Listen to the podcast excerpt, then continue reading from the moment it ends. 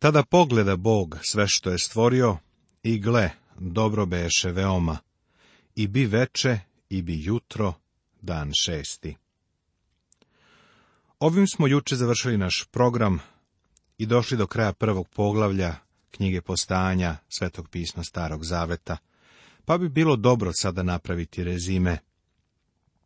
Šta bismo ovde mogli da zapazimo? Jedno je činjenica da se ovdje Bog spominje 32 puta. Biblija uopšte ne pokušava da dokaže da Bog postoji. Zašto ne? Zato što on kaže u 14. psalmu Davidovom, reče bezumnik u svom srcu, nema Boga. Biblija je knjiga napisana da bi otkrila duhovnu, religijsku, oslobađajuću istinu, a to primamo samo verom. Tako ovdje imamo činjenicu da je Bog onaj koji je stvorio. U ovom prvom poglavlju vidimo jedinstvenost, silu i ličnost Boga. To je upravo ono što je apostol Pavle napisao u poslanici Rimljanima Svetoga pisma Novog Zaveta.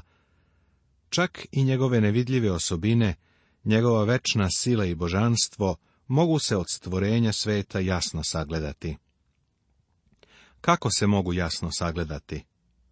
Ako se na njegovim delima promatraju, da nemaju izgovora. Zato ti vrlo smelo mogu reći da te Bog učutkao verom u njega samoga. U ovom poglavlju ćemo zapaziti još neke istine. Ono poriče politeizam. Samo jedan Bog stvara. Drugo, poriče večnost materije. Prve reči kažu, u početku, znači prijatelju da je sve imalo svoj početak. Ovo je istina uprkos činjenici da je postojalo vrijeme kada je nauka govorila o večnosti materije. Treće, ovo poglavlje poriče panteizam. Bog je pre svega i odvojni od svega. I četvrto, poriče fatalizam. Bog deluje u slobodnoj volji. Drugo poglavlje na teme sedmi dan, šabat, rezime prvih pet dana obnovljenja, stvaranje čoveka, uslovi dati čoveku i stvaranje žene. Veliki princip otkrivenja u ovom poglavlju pojavljuje se prvi put, ali će se stalno iznova pronalaziti kroz Božju reč. To je otisak nadahnuća. Ovo je zakon ponavljanja ili rekapitulacije, Drugim rečima, duh Božiji, dajući Božju reč, imao je običaj da ukratko iznese seriju značajnih činjenica i istina, a zatim se ponovo vraćao i izvlačio seriju sve važećih ili opšte značajnih podataka i zatim bi tu određenu stvar rasvetljavao ili razjašnjavao i uvećavao. Ovo isto će ovdje u drugom poglavlju učiniti sa šest dana stvaranja, koji su već objavljeni i izneti u prvom poglavlju. Isti princip je dati u petoj knjizi Mojsijevoj. Peta knjiga Mojsijeva je knjiga ponovljenih zakona, i to posle 40 godina iskustva sa njima u pustinji. Peta knjiga Mojsijeva nije samo puko ponavljanje zakona, nego i njegovo tumačenje. Slično ovome, nije nam dato jedno evanđelje, nego četiri. Ova praksa se kroz Božju reč stalno ponavlja. Šabat, dan sedmi. U drugom poglavlju sve što je rečeno i nabrojano za šest dana stvaranja odnosi se na čoveka, a poglavlje započinje šabatom. Tako se dovrši nebo i zemlja i sva vojska njihova. I svrši Bog do sedmoga dana dela svoja koja učini, i počinu u sedmi dan od svih dela svojih koja učini. I blagoslovi Bog sedmi dan i posveti ga, jer u taj dan počinu od svih dela svojih koja učini. Ne dozvoli da ti promakne važnost šestog dana ili šabata. Šta znači to da se Bog odmorio od svoga posla? Znači li to da se Bog bio umorio, pa je sedmog dana seo da se odmori i kazao da je baš imao veliku i važnu nedelju, radio je više od četrdeset sati, pa eto želi da se odmori. Ako na to gledaš ovako, znaj da je to potpuna besmislica. Bog se odmara od svog rada. Kad je završio šest dana posla, pogledao je to što je stvorio i video da je veoma dobro. I nije bilo ništa više, što bi se radilo. Svakoga dana kada odlazim iz svoje kancelarije, ipak svuda po radnom stolu ostaju poslovi koji čekaju da se završe. Još nikada nisam mogao da kažem, gotovo je, završio sam, ali Bog jeste. Posle šestog dana, sedmoga dana Bog se odmarao, jer je njegov posao bio potpuno završen. Ovo je jedna od najvećih duhovnih istina. Poslanica jevrejima Svetoga pisma Novog Zaveta nam kaže da kao vernici mi ulazimo u odmor, odnosno ulazimo u Božiji šabat, u savršeno Božje iskupljenje. Pre dve hiljade godina On, Isus je na krstu umro za tebe i mene i nudi nam iskupljenje u koje možemo ući. Zato apostol Pavle može da napiše, pošto smo dakle opravdani verom, imamo mir s Bogom posredstvom našeg gospoda Isusa Hrista. Da bih bio spasen, ne moram ni prstom da mrdnem. Isus je sve učinio. Jedna gospođa je napisala pesmicu koja je glasila Isus je sve platio, sve njemu dugujem, crvene mrlje greha oprao je, i izbelio. Rezime prvih pet dana obnovljenja Očigledno je da je ovaj veliki svemir u kojem živimo ovde postojao pre mnogo milijardi godina. Ali sa zemljom i sa velikim delom stvorenja nešto se desilo. Kao posljedica toga, Bog se pokrenuo, došao, duh Božiji se kretao nad bezdanom i kosmos je izveden iz haosa. To je postanje neba i zemlje, kad postaše, kad gospod Bog stvori zemlju i nebo. U stvari reč generacije, koje u Daničićevom prevodu Starog Zaveta ovde nema, znači porodice. Knjiga postanja nije samo knjiga početaka, nego i knjiga porodica. Ovaj stih bi sad mogao da glasi, to je knjiga postanja, knjiga porodica neba i zemlje, kad postaše, kad gospod Bog stvori nebo i zemlju. I svaku biljku poljsku dokle još ne beše na zemlji i svaku travku poljsku dokle još ne nicaše, jer gospod Bog još ne pusti dažda na zemlju, niti beše čoveka da radi zemlju. Ali se podizaše para sa zemlje da natapa svu zemlju. Sve ovo je bilo tu mnogo pre nego što je čovek došao na zemlju. A mi sada možemo da počnemo sa otkrivanjem svrhe koju je Bog imao u poglavlju prvom. U prvom poglavlju Bog je pripremao dom za čoveka kojeg će stvoriti. Bog se sada sprema da tog čoveka postavi na mesto koje mu je pripremio. Stvaranje čoveka U prvom poglavlju vidjeli smo da ničeg nije bilo, a onda je nastala neorganska materija. U početku stvori Bog nebo i zemlju. Drugi korak u stvaranju bila je organska materija, a to je stvaranje života. Vidimo da 21. stih kaže da je Bog stvorio kitove, a zatim i ceo životinski svet.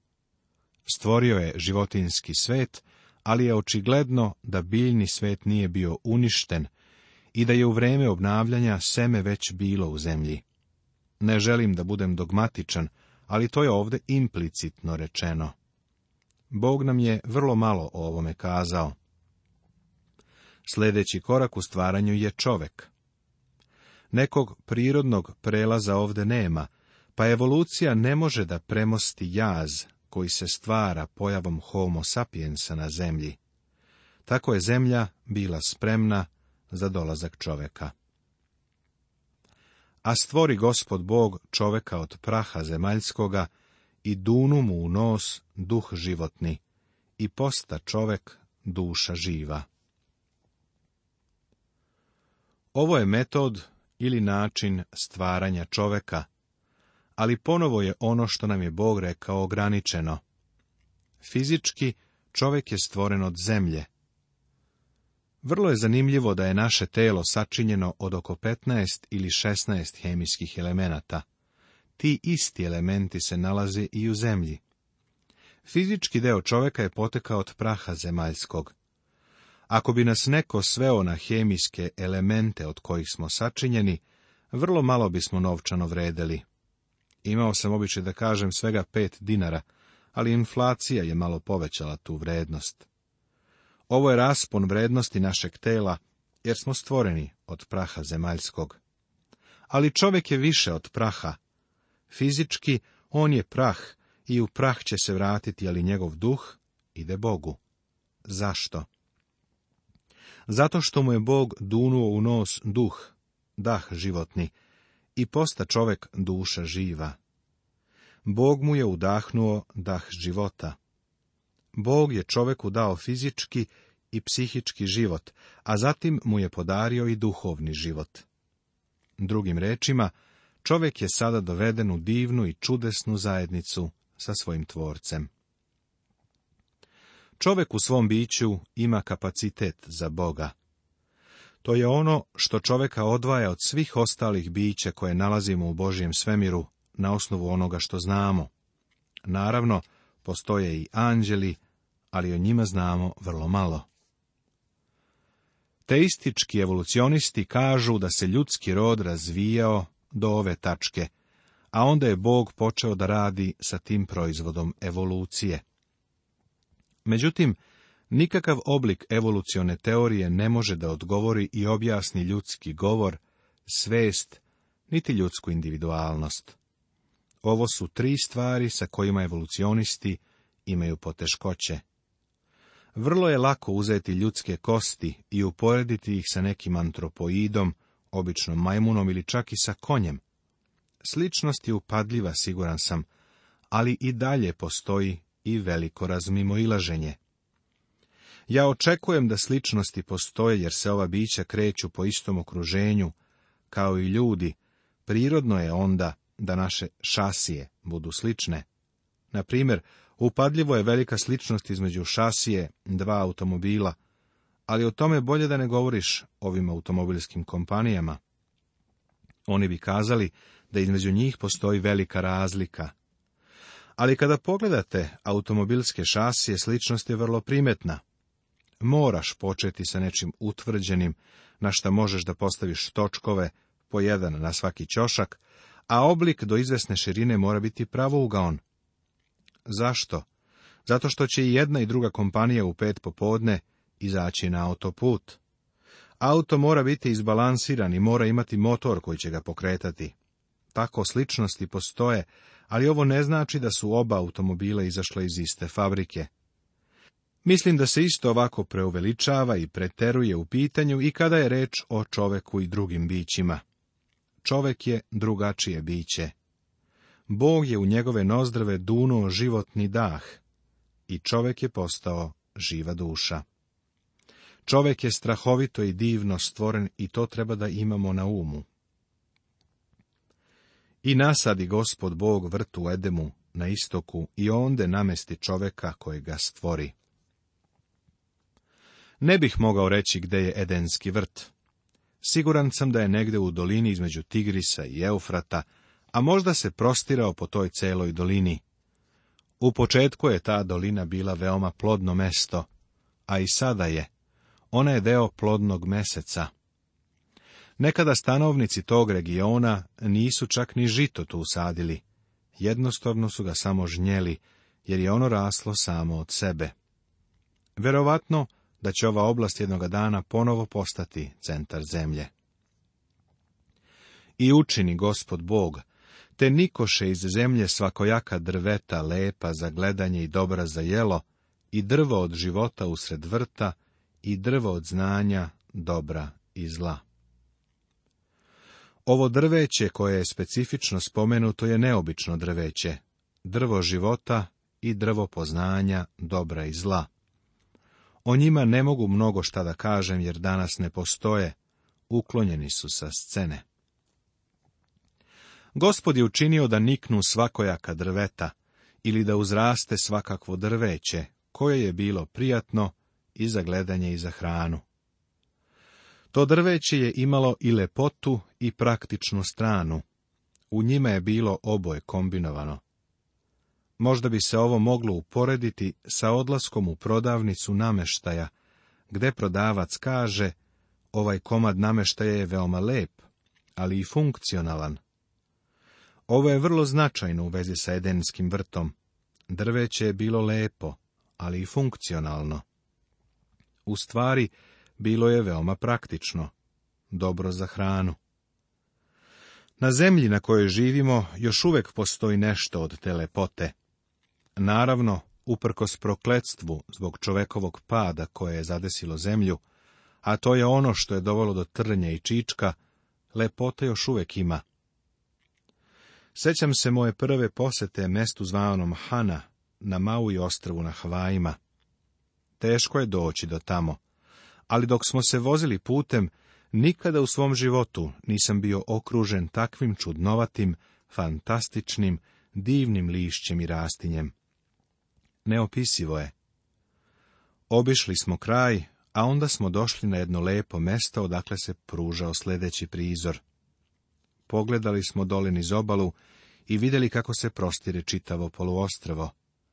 Bilo je tu drveća kokosovog oraha, papaje, hibiskusa, banana, bambusa, a među drvećem kokosa stala je mala crkva koju su pokrenuli misionari. Bili smo zadivljeni tom lepotom.